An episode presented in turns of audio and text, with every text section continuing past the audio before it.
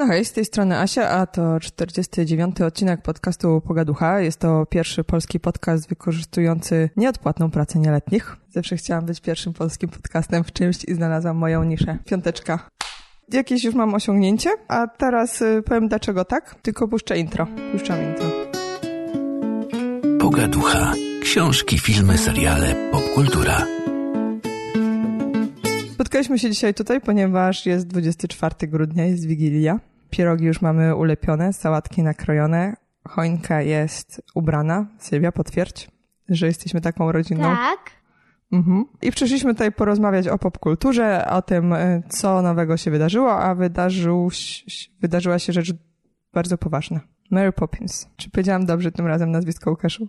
Tak jest. Mhm. Powróciła. Powróciła do nas w formie musicalu, tak jak pierwsza część. Dlatego mamy młodocianego eksperta do spraw musicalu, który powie nam, co sądzi na temat. Sylwia. Sądzę, że to jest bardzo fajny film mm, i Mhm. ciekawy. A co sądzisz na temat muzyki i na temat tych piosenek? Nie były zbyt infantylne i takie dziecinne? No właśnie w sam raz, takie radosne moim zdaniem. Mhm. Oglądałaś też pierwszą część Mary Poppins jakiś czas temu jakbyś chciała porównać te, te dwie produkcje disneyowskie. Nie pamiętam pierwszej. To zaraz będziemy musieli sobie odświeżyć, ona chyba gdzieś jest na Netflixie. Ale ty też oglądałaś dużo innych musicali. Znasz na przykład Mamma Mia, bardzo dobrze, pierwszą i drugą część. Znasz też La La Land i najpiękniejszy musical y, Dźwięki Muzyki. I powiedz mi, jak na tle tych pozostałych filmów wypada Mary Poppins? Mary Poppins jest mniej takich akurat żywych, porównując do Mamma jak piosenek, ale jest też na tym samym poziomie. Tak? No. Tak myślisz? No. Mhm. No ja się zgadzam z tym zupełnie, że Mamma Mia to jednak jest bardziej taneczne i bardziej słoneczne Takie i żywsze. radosne, nie? Żywsze. Mhm. I też ten szary Londyn wypada troszeczkę smutno w porównaniu Tak. ze słoneczną Grecją. Tak, Grecja jest mamą. Odnośnie fabuły i historii, tam Mm. mamy śmierć matki w pierwszych scenach, to nie jest zbyt przytłaczające dla, znaczy nie widzimy tej śmierci matki, wiemy po prostu, że ta matka już jest martwa, bo to jest jednak Disney, w Disneyu trzeba mieć martwą matkę. Ale to nie jest za smutne dla, dla dzieci, przygnębiające, takie błąkające się po Londynie sieroty? Raczej nie, moim zdaniem bardziej jest przygnębiające wtedy, kiedy to pokazują. Jakieś śmierć matki już w filmie. A tutaj już jest po post Tak. factum. No dobra, to Mary Poppins mamy opinię człowieka młodego. Zobaczmy, jak na ten temat wypowie się człowiek starszy. Z sentymentem, bo ty chyba się urodziłeś, jak tam miałeś 7 lat, tak? Jak była pierwsza część premiera. Tak, ja, ja myślę, że bardzo dobrze wiesz, że jestem starszy, bo miałem ostatnio urodziny, na które ni- nic od ciebie nie dostałem. Co smutne. Znaczy, chcesz się wyżalić w podcaście. To jest smutne, tak. Ale to jest kwestia tego, że jakby ludzie dawali mi pieniądze na Patronite, to może bym miała budżet na prezenty. Ale to jest bardzo równa akurat 34. rocznica, więc ja myślę, że na takie równe rocznice to powinno się kupować coś takiego poważniejszego. Mhm. Ale tak, w takim razie ty nie Dobrze. miałeś 7 lat, jak była premiera Mary Poppins, bo to był 64 rok. A to nie był przypadkiem, to nie było jeszcze wcześniej? Nie, to był już 1964 rok, tak mówi internet. O, Czyli to było całkiem niedawno. Świeżak, chciałoby się powiedzieć. Okej, dobrze, to prawda. Tak, bo ja, kiedy szukałem czegoś na temat oryginału, to Mhm. po prostu znalazłem dane na temat jednego z aktorów i on się urodził tam w 50 którymś, to, to nie byłoby aż tak dziwne. Czyli 64 rok. To nie, Mhm. to ja myślałem, że oryginał był starszy. Aha. Z tym, że reżyser nowej Mary Poppins to jest twórca Chicago, Nine i Ten Las. Ty, Sylwia, widziałaś któryś z tych musicali? Chicago? Albo Nine? Nie. Y, znaczy kojarzę, ale nie oglądam. No, bo chyba jeszcze... A, y, znasz ten. Playlista, nie? Muzykę znasz z Chicago. Tak, znam chyba Chicago muzykę. Nie, mi się oryginał jakoś nie zapadł mi za bardzo w pamięć, Mary Poppins. Jakby no, rozumiem wagę tej postaci, prawdopodobnie opętanej przez diabła kobiety, która wyprawia się w jakieś niestworzone podróże z niczego nie spodziewającymi się dziećmi. Ale jakby ta pierwsza część a, aż tak bardzo mnie nie przerażała jak ta druga i, i nie zapadła mi aż tak bardzo w pamięć, jak ta, myślę, druga zapadnie. Więc muzycznie jest świetne, jest kolorowe, Y, bo ty mówisz o takim szarym Londynie. Londynie, ale mi się bardzo podoba, jak w tych momentach, kiedy oni przenoszą się do tych twoich y, narkotycznych wizji, to ich ciuchy robią się kolorowe i oni wyglądają tak inaczej, tak jeszcze bardziej barwnie. I to jest bardzo fajne i Bajecznie. Bajecznie. Więc w tych narkotycznych wizjach, y, w tych swoich bad i good tripach, bo, bo są i takie, i takie, nie chcę za, za dużo spoilerować, to jest dużo bardziej kolorowo. Mhm. I to mi się podoba. Podoba mi się ta fantastyczna część, taka, gdzie podróżują w ogóle do takiego zupełnie innego świata. No, animowana, nie? Tak jest. Zresztą chyba podobnie jak w oryginale, którego, tak mówię, no, nie pamiętam aż tak dobrze, oglądałem go jakiś czas temu. Nie, ja zdecydowanie jestem bardzo zadowolony. Cieszę się też, że poszliśmy na oryginalną brytyjską wersję e, z napisami, a nie na dubbing, bo wydaje mi się, że to byłoby potworne okaleczenie tego filmu. A więc nie, ja jestem fanem. To, co mi się tam nie podobało, to to, że jak w takich powiedzmy starszych produkcjach y, bad guy'e pozostają bad guy'ami, good guy'e są od samego początku good guy'ami, praktycznie, a ci, którzy są głupi, są głupi od początku do końca. Nikt nie odbył tam prawdziwej podróży bohatera. Mhm. Więc jakby jako takie widowisko jest w porządku i mi się podoba i fajnie, bo też lubię musicale, ale jako jakaś historia, jakaś narracja, to uważam, że jest 4 na 10. Mhm. Z tym, że to w kontekście tego filmu mi się podoba dosyć, bo on jest zachowany w takim, utrzymany w klimacie starego Disneya i stary Disney taki był. Tak, takie wychowanie z lat 50., y, gdzie dzieci jednak się czasami bije, y, no, gdzie służąca śpi w Pawlaczu. Tak, tak i e, biały mężczyzna, nawet jeżeli jest e, chudym leszczem, to jednak jest takim, no, jest głową domu, ojcem rodziny, prowajderem. Mhm.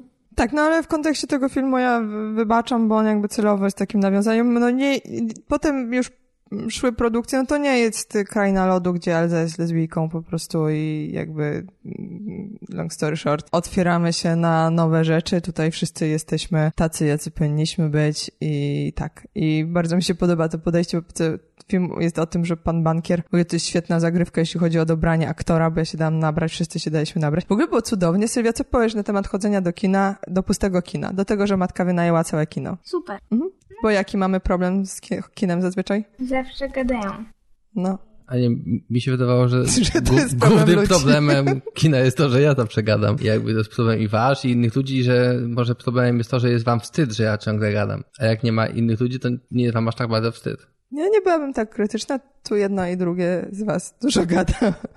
nie, nie brałabym w twoim przypadku całej winy na siebie. Nie, nie, ja jestem dumny z y, tego mojego komentarza i uważam, że filmy są dużo pełniejsze z moim komentarzem i to jest taka twój problem i twoja wina, że e, czujesz się tak źle, kiedy ja próbuję wzbogacić e, doświadczenie dla wszystkich na sali. Tak, bo zebrani na sali ludzie, którzy są odważni i mężni, nie powiedzą tobie, że zamknął mordę, tylko mówią do twojej żony, tak jakbym ja cię miała uspokoić. Albo o biednym dziecku, które komentowało cały film, że jest beznadziejny i to też był komentarz autorski. Co Sylwia myślałaś na temat tych, nazwijmy tajemnicze zwierzęta? Mm, jak pierwszy raz oglądaliśmy chyba z napisami, to było okropne, ale jak po polsku to lepsze. Mhm. I całe kino wiedziało, co jest... my co myślimy na ten temat. Głównie kino wiedziało, y, jakby było przypominane kinu, że ten film jest po angielsku i że oni mówią po angielsku, z tego co pamiętam. Sylwia bardzo wyraźnie chciała wszystkim zakomunikować, że to jest po angielsku i żeby oni się nie dali nabrać, że to na przykład jest czeski, nie, polski że, albo niemiecki. Ale też były, nie, nie, nie, nie, że Harry Potter był lepszy, że to nie tak. ten świat. No że oni tego nie rozumieją. Tak. Bo Sylwia poddała się z, czytaniem napisów, więc miała bardzo dużo czasu na komentowanie wszystkiego. Ale Sylwia, od tego jest podcast, żeby potem o tym opowiedzieć. Chociaż ostatnio y, teraz czepiam się tych ludzi, którzy y, komentują twojej żonie y, zachowanie twoje, a jak ostatnio pan mnie wkurzył w kinie, to ja zachowałam się też bardzo dojrzale i zatweetowałam o tym. W porządku. byłam z siebie dumna, jak, jakie to było poważne zabranie się za sprawę. Okej, okay. no mówiłam o tym, że pan jest bankierem i kapitalizm taki jest zły, ale generalnie nasi bohater, bo, bohaterscy bohaterzy Bohaterowie. Bohaterowie tego filmu mieszkają w domu i cały film jest o tym, że oni chcą zachować prawo do swojego domu. A przez ostatnie trzy miesiące nie spłacali jakiegoś tam kredytu, pod który ten dom zostawili.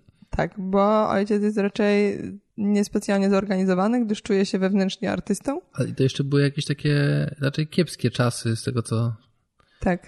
Czasy wielkiego kryzysu. Ludziom się nie przelewa, oni mieszkają dokładnie w tym wielkim, drogim domu, który dostali gdzieś tam po rodzicach. I mają za, służącą Zaciągają pod niego mhm. kredyty, mhm. nie spłacają tych kredytów i to oni są tymi dobrymi, a bank jest tym złym. Tak. W porządku. No i wiadomo, no i cały czas muszą mieć służbę, no bo bez służby to byłoby ciężko. I ojciec pracuje na pół etatu w banku. Ale ta służba to jest prawie jak rodzina. No może śpi na Pawlaczu, ale jak rodzina. Jak, y, jak pies. Jak pies.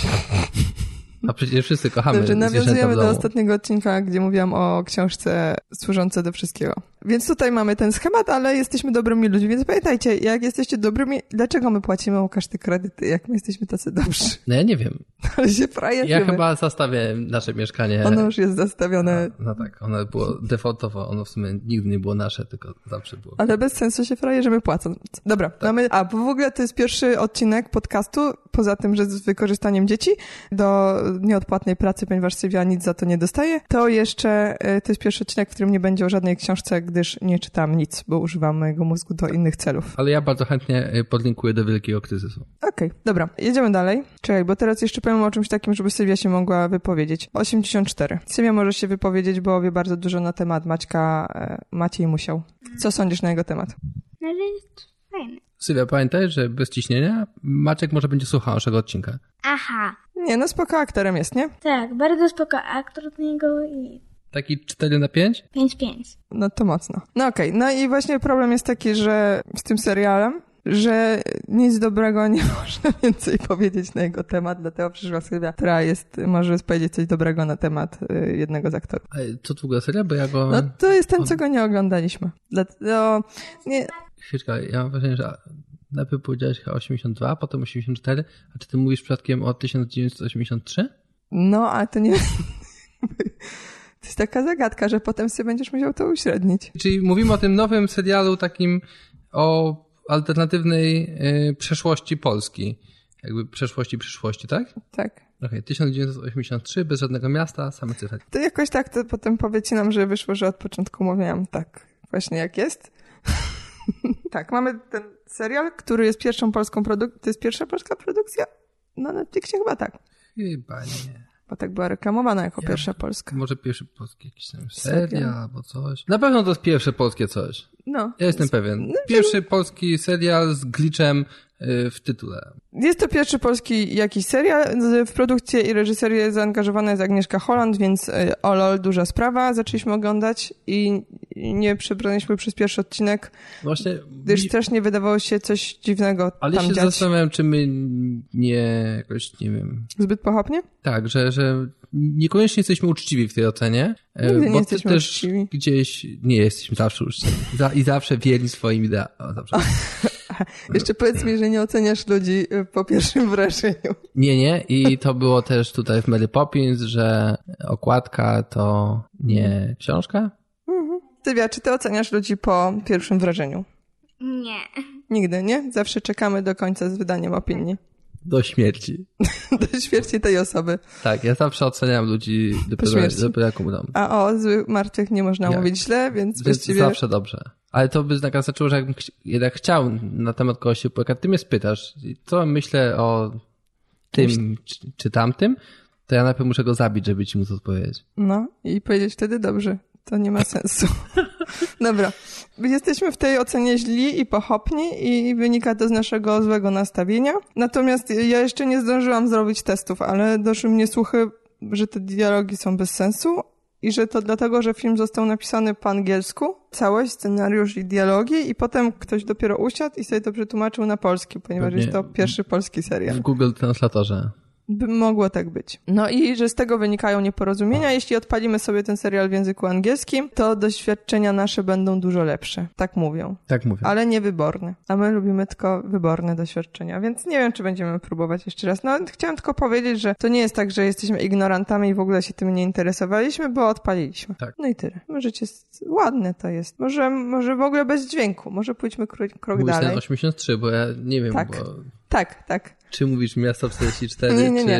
czy 1984 Orwella, Orwell jest super, ale nie, ja mówię o 1900 83. 82 rok, czyli kiedy mój brat się urodził. Nie, 83 mówię. I, aha, bo ja napisałam 84, bo to o tych urodzinach swoich. No widzisz. Ale zacząłeś chyba jeszcze mówiąc o 82. Nie jestem o pewien. urodzinach Jacka. Możemy cofnąć, tak. Grunt, że y, to jest bardzo ładny film i może jak nie zadziała oglądanie po angielsku, to trzeba oglądać bez dźwięku. I puścić sobie do tego soundtrack Sound of Music. Prawda, Sylwia, że soundtrack Sound of Music jest dobry na wszystko? Tak. Ja przed chwilą włączyłem sobie na kilka minut Shadow Warrior 2, to jest taka polska gra i tam jak się zabija pierwszego takiego mini-bossa, to tam jest właśnie główny bohater, którym się jest, śpiewa delikatnie przerobione My, favorite, things. Tak. Tak, więc Jest to piękne. jest. Jedźmy dalej, bo mamy dużo fajnych rzeczy, a mówimy o słabych rzeczach. Widziałeś serial Bodyguard? Widziałem. I Nawet cały. Takie dobre, uczciwe, serialowe kino. I No. to właśnie on jest taki według mnie trochę filmowy. Tam są takie mocne, sensacyjne sceny z ludźmi zawiniętymi w dynamit. Mhm.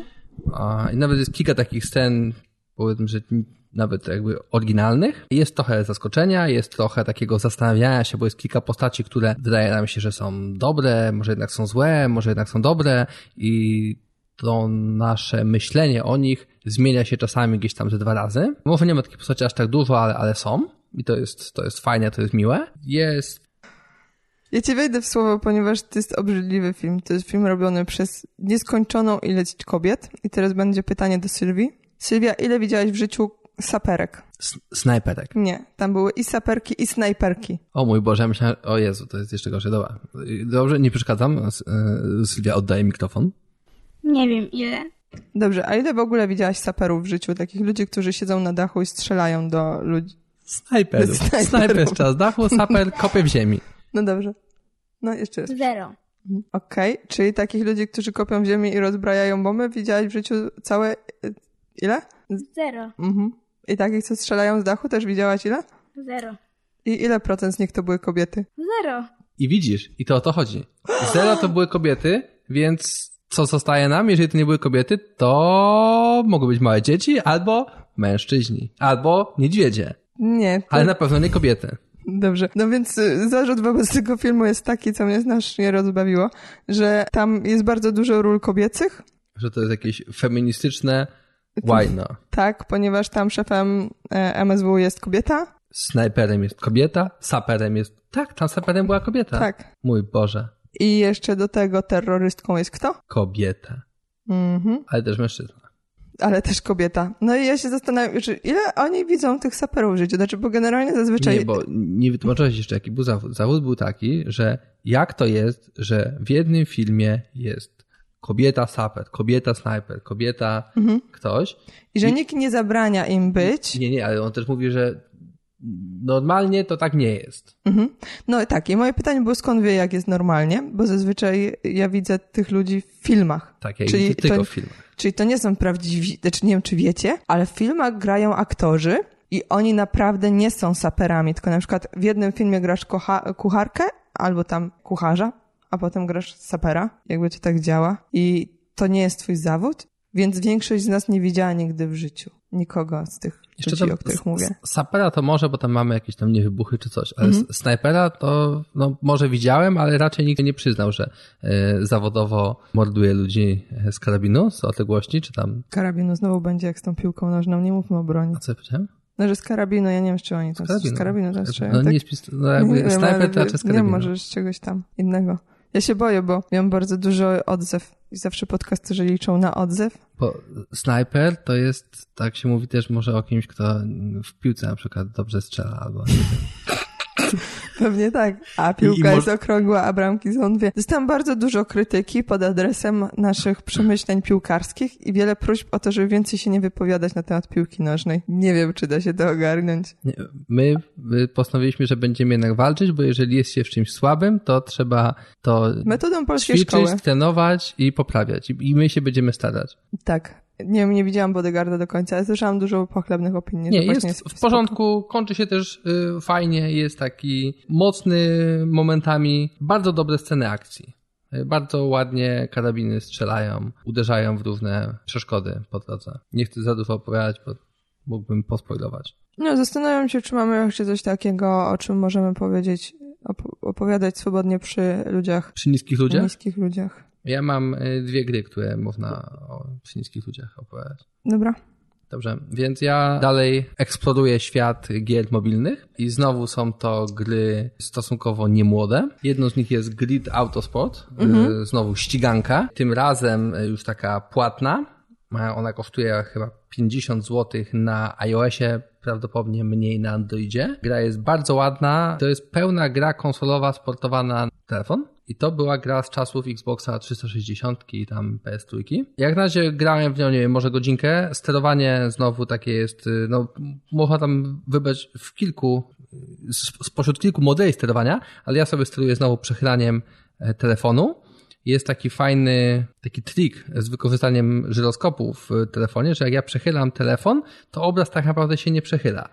Jakby ten obraz przechyla się w telefonie tak, żeby zrekompensować ten, ten, ten prawdziwy ruch i mi się ciągle wydaje, że horyzont jest poziomy. To jest bardzo fajne. I co jest super, nie wiem jak to jest rozwiązane w Androidzie, ale ja tutaj jako sobie gram na iOSie i to na iPhone'ie, który ma 3D Touch i jak ja lekko tylko dotykam palcem w miejscu, gdzie jest powiedzmy to pole od gazu albo pole od hamulca, to on lekko hamuje, a jak mocno docisnę palec, to mocniej. Więc jest ta analogowość w gazie i w hamulcu, e, co jest absolutnie super i jakby no to sterowanie jest już no, mistrzostwem świata. Naprawdę. Jak na grę na telefonie nie spodziewałem się, że może być tak dobrze. Więc to jest Grid Autosport. Bardzo polecam, jeżeli ktoś chce sobie naprawdę ładnie e, się pościgać. Ta gra może nie jest super tania, ale dzięki temu, że płacimy te 50 zł, to mamy już pełną, kompletną grę, która nie wymaga żadnych mikrotransakcji, abonamentów, niczego.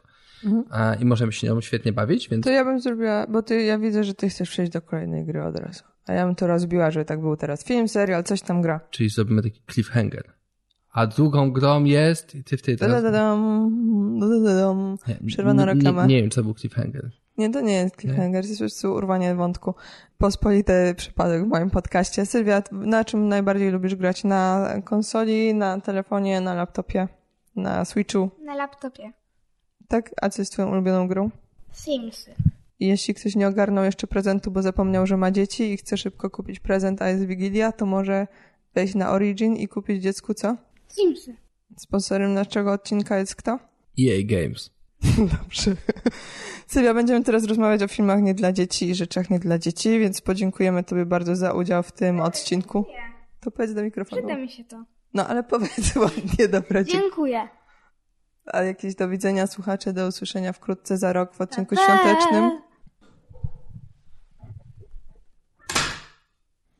Możemy przeklinać w końcu. Uf. Kurde, nie wiem, widziałam dwa filmy i dwa filmy były całkiem Kurde, przeciętne. Motyla noga. Myślałem, że będę musiał mówić tak ładnie do końca odcinka. Ale już możemy mówić kurde. To w porządku. No, dwa całkiem słabe filmy, które ludzie uważają za arcydzieła, które mi A nie możemy nie zacząć przypadły. od arcydzieła, które ludzie uważają za arcydzieła? Nie, bo wtedy nie będą słuchać do końca i mi tam spadają statystyki. Na koniec będzie arcydzieło uważane za arcydzieło. Przez nas. I Badura. nie, bo o czym ty... A nie, i Daniela. Tak. Okay.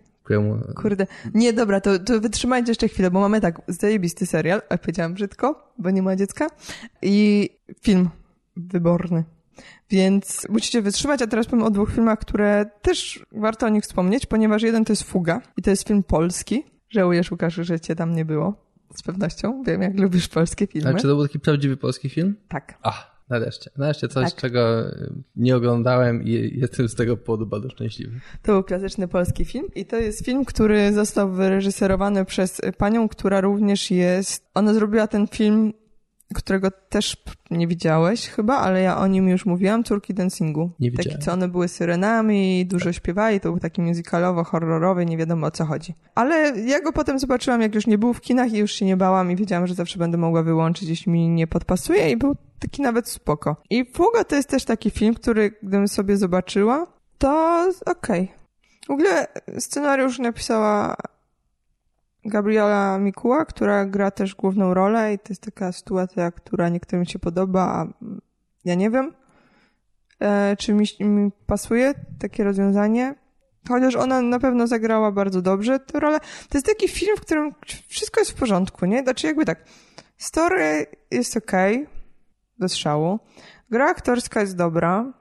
Może to jest kwestia mebli, może meble mi najbardziej nie podobały się w tym filmie. Mam po- problem mam w ogóle ze scenografią, ponieważ mm, pierwsze sceny mm, mają takie w pomieszczeniach, to jest e, dom głównej bohaterki, która straciła pamięć i jest fuga dysocjacyjna i ona po prostu nie wie, co, co się działo z jej życiem na dwa lata przed tym, jak została, jak odnalazła swoją rodzinę, to jest tam męża, dziecko, rodziców i ona jest w domu tych rodziców i ten dom jest interesującym przestrzeniami i on jest taki zachowany w starym stylu, co jest dosyć zrozumiałe, ponieważ no, ci ludzie tam nie remontowali tego powiedzmy, a są dosyć zamożni, wydają się być czy byli, no i ten dom jest duży. Ale potem jesteśmy w mieszkaniu głównej bohaterki, gdzie wszystkie meble to są takie cool, cool meble z lat 60. i 70., o czym wiem, bo ostatnio dużo takich oglądałam i wiem ile kosztują i wiem ile kosztuje ich naprawa i wszystko.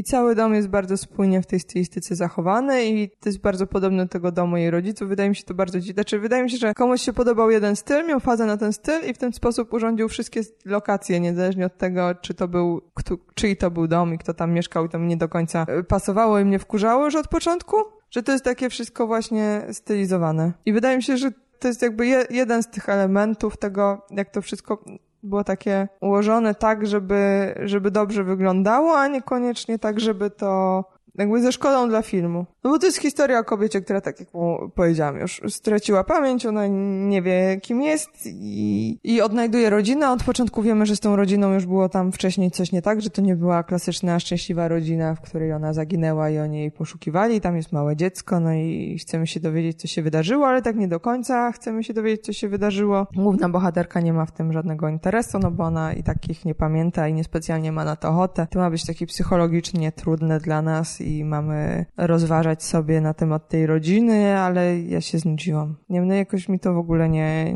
nie trafia do mnie. Poza tym ja sobie zdaję sprawę z tego, że, znaczy jakby od początku wiedziałam już, że ta rodzina była nie taka piękna, jak powinna być i że nie ma tutaj czego opłakiwać. I że ta rodzina już nie istnieje. I ten sam problem miałam z drugim filmem, który widziałam. I to jest film, którego w ogóle nie rozumiem.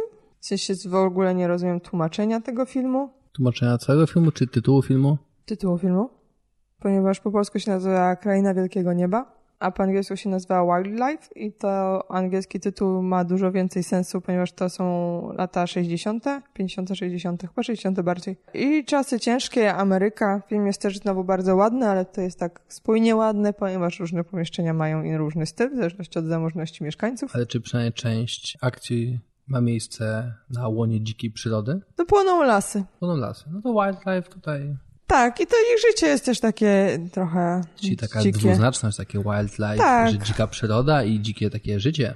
Mhm, bo to jest historia też takiego małżeństwa, które tam ma 30 parę lat, bliżej 35. Ale to widzisz, bo to jest ten kłopot, też jak próbujesz przetłumaczyć coś takiego, mhm. no nie jesteś w stanie znaleźć bezpośredniego dwuznacznego tłumaczenia polskiego, więc po prostu robisz byle jakie. Mhm. No tak żyjmy, nie? o, nie da się tego zrobić dobrze, nie starajmy się tego zrobić nawet umiarkowanie dobrze, zróbmy to bez sensu. Kraina błękitnego nieba? Nie. No, tak. Nie, wielkiego nieba. W gruncie to jest historia małżeństwa, które się przeprowadza z miejsca na miejsce i to ma wyglądać jak taka spokojna, miła rodzinka, której wszyscy się kochają, ale wiemy, że nie. I film jest interesująco nagrany w taki sposób, żebyśmy śledzili historię trochę z punktu widzenia 14-letniego dziecka. Znaczy zazwyczaj obserwujemy tego rodzica, który przebywa w okolicy dziecka, więc jeśli dwójka rodziców jest w domu, no to będziemy obserwować tą dwójkę rodziców. Jeśli on zostaje sam z matką, no to będziemy śledzić to, co robi matka, ale wydaje mi się, że ten zabieg prowadzi do pewnych nadużyć takich, że kiedy małżeństwo tych rodziców się rozpada, to ta matka uwiesza się trochę na tym swoim synu i trochę dużo z nim relacjonuje mu rzeczy, ale też zabiera go ze sobą i on jest świadkiem jej romansów i tak dalej, co wydaje mi się zupełnie bez sensu i wynika z tego właśnie pomysłu, że będziemy obserwować rozpad tego małżeństwa z perspektywy tego syna, który zaczyna dorastać i zdawać sobie sprawę, że życie nie jest piękne. Okej, okay, tylko wydaje mi się, że też biorąc pod uwagę tamte czasy i wszystko, nie było sensu, tym bardziej, że ona zdradzała wtedy, no nie mogę wam powiedzieć, ale mogła zdradzać męża, no to nie wiem dlaczego, e, żeby zdradzać męża, mielibyśmy ze sobą zabierać dziecko. Zupełnie wydaje mi się to szalonym pomysłem, żeby, no, było. Ale jest dużo interesujących scen. Często mamy takie sceny, w których nie widzimy tego, co się dzieje, ale wiemy, co się dzieje, a obserwujemy tylko twarz osoby, która to obserwuje, więc zagrane też jest bardzo dobrze. Może ja przesadzam z krytyką tego filmu, dlatego, że jeden drugi film jest nazywany wybitnym, arcydziełem, cudownym, a moim zdaniem to są no, dobre filmy, no po prostu. Ale bez szału. Słucham. Się zbierasz, żeby coś powiedzieć, tak mi się wydawało. Nie. Cały czas, Aha. nie bardziej niż w innych momentach. Dobrze, więc yy, powiedziałam wszystko. Możesz umrzeć. Nie, wkurzało, już wiem, powiem wam, co mnie wkurzało. Wkurzało mnie w tym filmie, że są problemy z pracą. Generalnie wszystkie problemy się toczą, no nie tylko wokół pracy, po prostu oni mają problem z tym małżeństwem i ze sobą, jedno i drugie z małżonków. Natomiast no, są na pewno problemy z pracą. Ta matka musi iść do pracy, ten ojciec ma problemy z pracą, syn idzie też do pracy, żeby sobie trochę dorobić i ten syn znajduje pracę i już od razu, kiedy ten syn znajdujemy, gdzie znajduje tą pracę, to wiadomo, że znalazł tą pracę pod scenę, która będzie miała miejsce i ona musi mieć miejsce i ona niesie ze sobą jakiś tam metaforyczny prze, przekaz, a to mi się nie składa z tymi problemami z pracą. To jest takie prosto pod to, co ma być na zakończeniu, to jest dla mnie irytujące. Jakby nie ma to jakiegoś wielkiego sensu. Że no jednak zbyt banalnie, tak jest to? No, no nie, no taki, że ktoś miał taki koncept, że przy pomocy fotografii możesz przekazać pewne rzeczy i z jakiegoś powodu musiał mieć dostęp to dziecko do tego zakładu fotograficznego, więc nie spoilując zbyt wiele, on po prostu, kiedy ojciec ma problemy z pracą, matka nie może znaleźć pracy, on idzie do zakładu fotograficznego jako czternastolatek, który musi dorobić kilka groszy i może pracować kilka dni w tygodniu. I voilà, jest praca.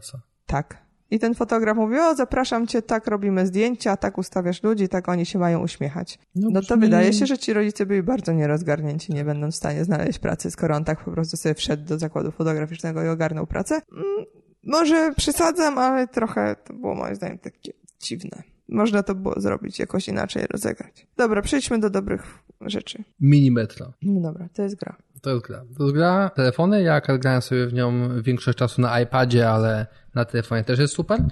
I to jest takie bardzo w sumie, nie wiem, bo ta gra jest według mnie trochę dziwna. Ona jest z jednej strony relaksująca, taka relaksująca muzyczka, ładne kolory, bardzo interesujący, taki przyjemny UX w tej grze jest, jakby w ogóle te wszystkie menu. Jest ciekawie, ładnie to rozwiązane. I siedzimy sobie, patrzymy na ten piękny, bardzo prosty design, taki minimalistyczny, ale z drugiej strony e, jesteśmy zaskakująco zaangażowani w to, co się dzieje i można poczuć wyzwanie. Tam jest, ta gra polega na tym, że tworzymy mapę metra, coś może trochę w tym stylu. Tworzymy mapę metra tak, żeby zadowolić naszych trójkątnych, okrągłych i kwadratowych mieszkańców. Trochę kojarzy mi się to z moją ulubioną grą Thomas Was Alone, której muszę zawsze powiedzieć, że jest 4 na 3 Więc y, mamy tych y, różnych trójkątnych, prostokątnych i okrągłych mieszkańców i stacje w tychże kształtach i musimy ich wozić do odpowiednich stacji. Żeby to zrobić, tworzymy mapę meta i po tej mapie meta poruszają się takie ikonki pociągów meta. Super prosta gra,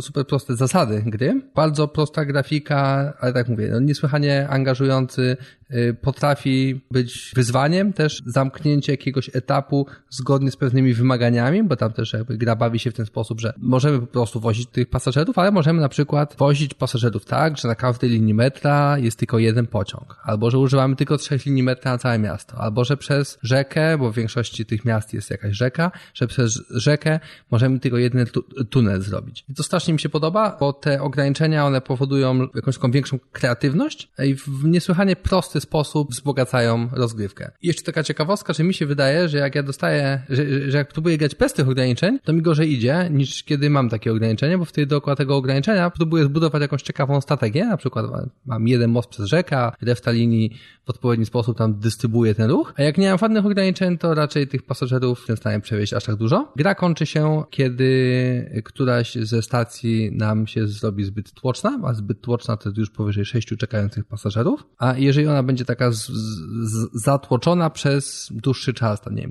kilkanaście sekund. Wtedy gra się kończy, ale nie musimy jej zupełnie wyłączyć, możemy przejść do innego trybu, do trybu takiego zupełnie zrelaksowanego, gdzie po prostu sobie wozimy e, tych pasażerów, tak creativity tryb, gdzie sobie ich rozwozimy i jakkolwiek nam się podoba i nic nam tam nie grozi. Jest też tryb y, Extreme chyba, w którym y, jak już położymy tory, to one muszą tak zostać. Bo normalnie możemy sobie zmieniać tą mapę dosyć dowolnie, możemy nawet całą ją zlikwidować i narysować od nowa w dowolnym momencie gry, ale w tym, w tym takim trybie trudniejszym, jak już raz położymy jakąś linię, zaznaczymy, to ona już tam musi zostać. Czy jak w szachach, jak już stawisz pionek, to już go nie ruszysz. Bo jeszcze do rzeczy, o których się nie znamy poza piłką nożną, to są szachy. Tak, jak w szachach. Jak, jak w krykiecie. jak już tam, nie wiem. Rzucisz tym tak bumerangiem, jak... to... Nie. jak w piłce nożnej kopniesz piłkę, to już nie możesz nie możesz odkopnąć. Kopnięta piłka jest już kopnięta. Dokładnie, to, to tak samo jak w piłce nożnej. Dobrze, że... Czy, czy, czy może sędzia może odkopnąć piłkę? Nie, no ale kopię piłkę sobie, ale to by był sport dla mnie. Kopię sobie, ale chciałam podać do koleżanki, jak ktoś ją przejął, to próbuję jeszcze raz. Bo, bo Tak. wróćcie. PlayStation tak chyba można, jak grasz tam piłkę Ko- nożną. Command Z, czy tam Ctrl Z, tak? I nam się cofa. Tak, tak to widzę, wtedy Ale, grałabym. o, ale to w tej grze, w której w Grid Autosport, jak w większości ściganek na komputerach, konsolach i telefonach, e, można cofać czas. Więc jak źle wpadniemy w zakręt i na zabijemy tam jakichś spektatorów, to możemy cofnąć. Mamy dobry serial. Berlińskie psy. Ale ja, ja myślę, że to powinnoś jednak po niemiecku powiedzieć, bo my ten serial oglądaliśmy po niemiecku. Nie mam, Łukaszu, ja bym to zrobiła, ale mam bardzo mało baterii i nie mam ładowarki, więc chciałabym po prostu skończyć nagrywać ten podcast, zanim padnie mi laptop. Więc może zostańmy przy polskim e, Berlińskie psy. I to jest piękny serial. To jest piękny serial, więc musimy podziękować Pawłowi Badurze, który polecił mi ten serial i zdążyłam go obejrzeć przed nagrywaniem tego odcinka. Dziękuję Ci, Pawle. Paweł też powiedział odnośnie mojej historii z popcornem, że pamiętacie w ostatnim przecinku była historia o tym, że możesz zamawiać mały popcorn i wtedy oni ci proponują większy popcorn i tam była cała historia do tego, więc nie będę jej powtarzać, więc na pewno pamiętacie, ale Paweł powiedział, że on też tak myślał, że będzie zamawiać mały popcorn, oni będą mówić to może średnio, on się będzie zgadzał i kiedyś poszedł do kina i mówił poproszę mały popcorn, a oni mu dali mały popcorn. Dziękuję. Na to nie wpadłem. No, ale słuchaj dalej i on mówi To nie, się nie, to się nie mogło wydarzyć. on mówi, bo może jednak wezmę średni, a oni mówią, nie możemy przesypywać. ja myślę, że to było specjalnie i to było wymierzone w tych ludzi, którzy biorą mały tylko po to, żeby się nie Cwaniaków. kłócić. Cwaniaków. Cwaniaków. No, jesteś cwaniakiem? To jedz mały popcorn. No, już nie cwaniakuję. Już nie cwaniakuję. Nie. Ja chyba też nie będę. Chociaż ja już, bo znowu dzisiaj jedliśmy popcorn i znowu trafiło mi się kilka karmelowych. I Ale ja mi nie jest mi też nie, więc może to po prostu... mi się ręce z wściekłości. Nie wiem, bo mi się wydaje, że to po prostu już twoja podświadomość. Czy to był fantomowy popcorn? Tak, Fantomowy fantomowy karmel? z karmel. Że był, to lęk. To był prawdziwy karmel. No dobra, to jest piękny serial, ponieważ Berlin jest piękny. Yy, Cycki są w porządku. Są A w tym niemieckie. serialu jest mnóstwo niemieckich cycków. Tak, ale w ogóle nie, bo ty nie oglądałeś do tej sceny, w której oni są cali pod prysznicem. Więc to jest niemiecki serial, bo są panowie też goli, a nie tak jak w amerykańskich filmach, że tylko cycki i nic więcej. Tutaj w niemieckich filmach są panowie tacy rozebrani. Mi się wydaje, że w europejskich, tak. Europejskich. Produkcjach. To. No, ale to nie jest najpiękniejsza e, z- kwestia. Kwestia najpiękniejsza jest taka, że serial generalnie jest o tym, że ginie typ, który jest tureckim piłkarzem. Grającym w niemieckiej reprezentacji. Tak, co prowadzi do takich problemów, że Mam nadzieję, że tutaj zbyt nie wchodzi mi w piłkę nożną. Nie możemy mówić o tym serialu, bo musimy mówić o piłce nożnej. Wygląda to w ten sposób, że nie wszyscy są zadowoleni, że e, człowiek, który jest pochodzenia tureckiego, gra w niemieckiej. Też mamy takiego Polaka, co gra w niemieckiej. Też nie myślimy o nim I dobrze. to tam po obydwu stronach są problemy. I Turcy, Turkom niektórym nie podoba się, że on gra dla Niemców, a nie na przykład dla Turków, a niektórym Niemcom się nie podoba, że gra dla nich, a nie... e, I że Niemcy w ogóle nie grają, bo są po prostu słabsi. Dokładnie. Tak, ponieważ są piękni naziści. Mają takie piękne kurteczki, takie duże u góry w ramionkach i takie nóżki w takich rurkach, a które się nigdzie nie rozszerzają, ani nigdzie nie zwężają. I takie buty typu trochę glanik, trochę coś, ale jednak wygodne, żeby nie obcierało, no bo to już Niemcy są, jednak musi być wygodnie i musi być porządeczek. No i mają nawet niektórzy takiego wąsa Mają. Za to Turcy mają śliczne brody, takie wybarberowane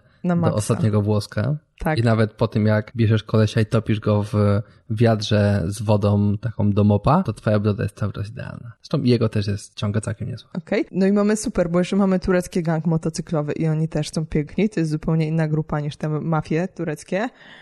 E, no i mamy piękne przyjaźnie w tym filmie, bardzo piękne relacje, głębokie. No i o co chodzi? Chodzi o to, że sprawę tego morderstwa muszą rozwiązać e, panowie, którzy trafiają do jednego wydziału i jeden Kurt jest bardzo przystojny i mm, troszeczkę czasami coś na własną rękę zakombinuje. Tak nie do końca się trzyma wszystkich przepisów. I on raczej jest taki z pochodzenia neonazista. Tak, taki ma rodowód. Ma nawet chyba taki tatuaż napisem Brotherhood Tak. na plecach. Tak, tak, bo i, i, Co jego- widzimy już w, w pierwszej scenie, Tak, bo te... jego matka jest bardzo zaangażowaną Niemką, bycie Niemką.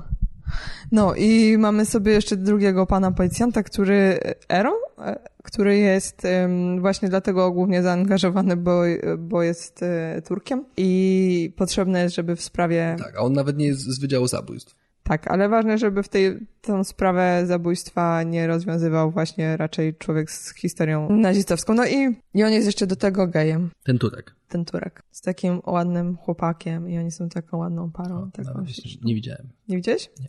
Nie, oni, oni są Ale tacy ma też taką maskę jak Batman, ale nie będę spoilował. Nie, oni mają takie ładne mieszkanie i on ma takiego ładnego niemieckiego chłopaka Niemieckiego i, Tak. Tak, tak. Może polskiego. Ciężko powiedzieć. Może był Polakiem. Może mamy jakiś polski wątek. Nie tureckiego. Nie tureckiego. No grunt, że tak, jest dużo ludzi i ja się bałam, że ten film zacznie spadać w pewnym momencie, ale on chyba nawet się robi fajniejszy w kolejnych odcinkach i bardziej złożony i każdy wchodzi w jakieś e, nowe relacje i nowe wątki się pojawiają i każdy kombinuje tak pod siebie trochę i w końcu e, dochodzi do takiej wielkiej eskalacji konfliktów wszelakich i to jest wszystko bardzo ładne. Dużo w tym jest emocji po każdej stronie i tak ładnie są pokazane motywacje bohaterów, bo w niektórych filmach, które ostatnio widziałam, które nazywam nie najlepszymi, to wy wydaje się, że motywacje bohaterów są takie, że oni są po prostu jacyś dziwni i jakby dlatego się tak zachowują. A w tym serialu każda postać coś robi i my wiemy dlaczego robi, nie? Bo czym jest zmotywowana, co chce i dokąd zmierza.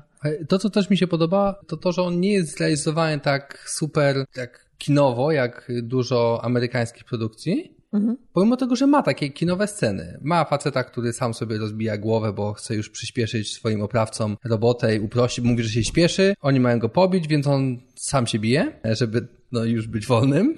Żeby... Tak, bo on się spieszy, bo oni się tam w tym serialu bardzo spieszą. Przynajmniej jeden, ten Kurt się bardzo spieszy zazwyczaj. Tak, więc Kurt sam się pobił e, w jednej scenie. W innej scenie on e, też, Kurt, to nie jest wielki spoiler, bo na samym początku filmu przychodzi na jakieś tam miejsce zbrodni z dzieckiem w kocyku i w laczkach i to też jest taka scena, która no, ma być taka pokazująca, że on jest taki, no, że to jest taki to jest ten polski wątek, te laczki. Ja no chcę pokazać, że to jest taki maverick, taki, taki no, że on nie zwraca uwagi na nic, tylko idzie swoją drogą e, w tych klapkach, w tych laczkach. Ale to też nie jest tak na siłę tak sztucznie zrobione, tylko przychodzi w tych laczkach z tym dzieckiem, to dziecko tam potem komuś daje na chwilę i, i tak. Tak jest. Fajnie. Jest tak bardziej prawdziwie. Te cycki też są takie bardziej prawdziwe niż. Nawet te sztuczne są bardziej prawdziwe. Tak. Bo te helgi mają takie sztuczne, ale, bo są takie niemieckie helgi. No ale to widać, że są sztuczne. Takie. Ale tak, są prawdziwie sztuczne. Tak. A nie jakieś takie, że wszystko wygląda tak idealnie i tak e, apetycznie, tylko nie. Jest takie... Tak. E, Zgadzam się. Więc to jest piękna rzecz i premiera była zdaje się 7 grudnia i ja już czekam na drugi sezon, nie mogę się doczekać, jestem strasznie podekscytowana i zamierzam teraz pójść spać i przespać ten cały czas, który dzieli mnie do drugiego sezonu. Bo nie wiem, czy wiecie, że jak się śpi, to problemy nie istnieją. A czy ty już obejrzałeś? Jest się prawie martwy. Obejrzałeś do końca? Pierwszy Bernie? sezon? Tak. Okay. I, Ale... I jaka ocena? O. Czat. Czat. Czat. No na pewno 4 na 4 jak nie więcej, ale chyba nie, chyba zostawmy więcej dla, dla innych rzeczy, a tutaj dajemy prostu cztery. Cztery. Tak. A teraz o wielkim darze, który ofiarował nam Daniel z odcinka 25. Tak. I to jest już teraz na koniec, mhm. no bo ja uważam, że to jest coś, co jest taką pewną, pewnego rodzaju wisienką e, na nasz... torcie tego podcastu. I to jest nasz prezent dla Was na święta, bo to jest tak. ostatnie polecenie w tym roku. Tak, i to jest taki na, naprawdę w takim świątecznym duchu. Nie. Jak kowboje. To jest jedna z najlepszych rzeczy na świecie. W ogóle e, w kategorii westerny znajduje się wiele najlepszych rzeczy na świecie. E, my jesteśmy... Tak, ale bo mi, mi się wydaje, że to dla nas może być taka podróż sentymentalna, bo na początku naszej relacji my jednak oglądaliśmy Django Django. The D is silent. tak. O bólu przestrzelanych rzepek. Tak, ja też troszeczkę grywałem sobie w Red Dead Redemption, zresztą mówiliśmy ostatnio o Red Dead Redemption i okazuje się, że westerny nie skończyły się na tych dwóch rzeczach, tych dwóch produkcjach, że jest jeszcze Ballad of Buster Scruggs. To jest produkcja braci Coen. To jest na sześć historii. Ale tak doskonale z, jakby zbalansowanych, bo ogląda się pierwszą, ona się kończy, ogląda się powiedzmy drugą i tak jeszcze jakby okej, okay, wszystko jest super, ale nie do końca jeszcze wiadomo, czy jakby no dlaczego one są tak skomponowane jak są. Ja przyznam, że ja do teraz do końca nie wiem dlaczego one są w tej kolejności, to są dokładnie te historie, ale uczucie jakie one wywołują w człowieku jakby na sam koniec, no to jest, to jest jakiś majstersztyk. Ja naprawdę, to jest długi film, to jest miejscami bardzo wolny film i to jest doskonały film. No ale on jest perfekcyjnie, bo o ile wracając do arcydzieł, których nie mogę nazwać arcydziełami, były takie sceny, no właśnie nie możesz mówić arcydzieło o czymś, którym ewidentnie są sceny, które są za długie albo za krótkie, albo nie w tą stronę. Czy na przykład oglądasz i myślisz, ale dlaczego tak? Albo, no dobra, fajnie, ale to by mogło trwać jednak te kilka sekund krócej. Żeby to było arcydzieło, to każda scena musi być perfekcyjną, no co, co do milisekundy musi być perfekcyjna. Jeśli nie chcemy mieć dobrego filmu, tylko perfekcyjny film. I w tym filmie, jeśli jak mamy piękną opowieść o człowieku bez rąk i bez nóg, Wzruszającą historię. Wzruszającą Wzruszającą historię. historię o opiece, o oddaniu i braku E, oddania, i o pięknie i o kura, i o, o, o drobiu. o drobiu, o liczącym drobiu, to tam jedna scena jest powtarzana wielokrotnie i wielokrotnie i wielokrotnie. I to buduje takie jakieś nie, napięcie. I to jest perfekcyjną ilość razy powtórzone i każda sekwencja tych powtórzonych scen, moim zdaniem, ma perfekcyjną długość i tym jest arcydzieło. Tak, i to jest arcydzieło. Daniel, który nam to polecił, podobno obejrzał już ten film, nie, podobno, kiedy nam mówił, to obejrzał ten film cztery bądź sześć razy. Nie wiem ile razy już teraz, jakby, gdzie jest licznik. Mój licznik jest na, na półtorej, e, bo obejrzałem sobie po prostu kilka scen teraz ostatnio, tak bardziej już e, wyrzuconych z kontekstu. Mm, Taka scenę w dyliżansie i, i pierwszą scenę. No dobrze, spoiler, spoiler, spoiler. No tak, ale to jest taki film, o którym, który ja zaczęłam sobie oglądać i sobie myślę, okej, no dobra, to jest fajnie, ale ten bohater jest fajny i, i on chyba powinien umrzeć. I żaden film by mi tego nie zrobił, by go nie zabił, no bo to by było bez sensu. A tutaj ten bohater jest martwy, ja sobie myślę, to jest arcydzieło. W tym momencie, kiedy myślę sobie, o, oni go nie zabiją, ale on w tym momencie powinien być martwy. Ja się, Ten bohater leży trupem. ja się zastanawiam, czy za daleko nie zaszliśmy ze spoilingiem. Michał, musisz Nie. dograć krótkie spoiler alert. Ja bym dograł. Ja nie powiedziałam gdzieś w początku filmu. No dobrze, spoiler, spoiler, spoiler. Dobrze, proszę to wkleić przed tamtym. Dobrze. E, tak. Tak Mm, uczynił. Piękny film. Piękny. Nie, naprawdę piękny i to jest najlepsze poczucie humoru, jakie, jakie było mi e, Dane dane, tak. No po- poza moim. po- Poznać. Najlepsze. No dobrze. Eee, I nie ma nic bardziej jakby subtelnego i pięknego niż e, scena samobójstwa. najlepiej. No, to jest najpiękniejsza scena samobójstwa w historii świata. Tymczasem rozładował mi się laptop prawie, więc muszę wam tylko powiedzieć, że zawsze polecam jakiś podcast, więc polecę wam podcast yoga. I czy ja zaczęłam słuchać podcastu yoga, ponieważ pomyślałam sobie, o, to pasuje do mojego stylu bycia. Znaczy naturalnie nie yoga, tylko słuchanie podcastu o jodze pasuje do mojego stylu bycia. I ten podcast nawet nie jest o jodze, ale nazywa się yoga i jest taka wstawka yoga, yoga, yoga. Nie będę wam tego śpiewać, ale to jest bez sensu. I oni mówią o różnych rzeczach i nie uda mi się jeszcze ustalić o czym, ale na pewno o samobójstwach i wietrze, na pewno o oczyszczaniu organizmu i ktoś umarł ostatnio też. A to I stamtąd był się do, smutek? dowiedzieliśmy o wietrze i o samobójstwach. A Ja nie wiem, wiesz, ale tam jest też trochę takich jakichś pojechanych rzeczy, takich, że musiałabym jednak zapytać o źródła, ale nie pytam o źródła sympatii do autorów. Ale jakby bawiłam, lecz, nie wiem, lecz, to zobaczcie, no. jest taki po- podcast, że ludzie siedzą i mówią. I pan idzie sikać. Ale na pewno mają go zobaczyć, czy mają go posłuchać? jak uważają, mogą sobie po prostu zobaczyć i... Nie, no jest napisane yoga, na okładce zdaje się człowiek ćwiczący jogę i to jest taka pułapka. Ale naprawdę? Nie, no oni mówią trochę o jodze, bo oni są joginami. Ale to chyba tyle. Ale mówią też o wietrze. Okej. Jakby, ale co, chcesz jakby jakieś zarzuty? Wesołych świąt. Wesołych świąt. To by było na tyle. Kolejny odcinek Pogaduchy już za tydzień.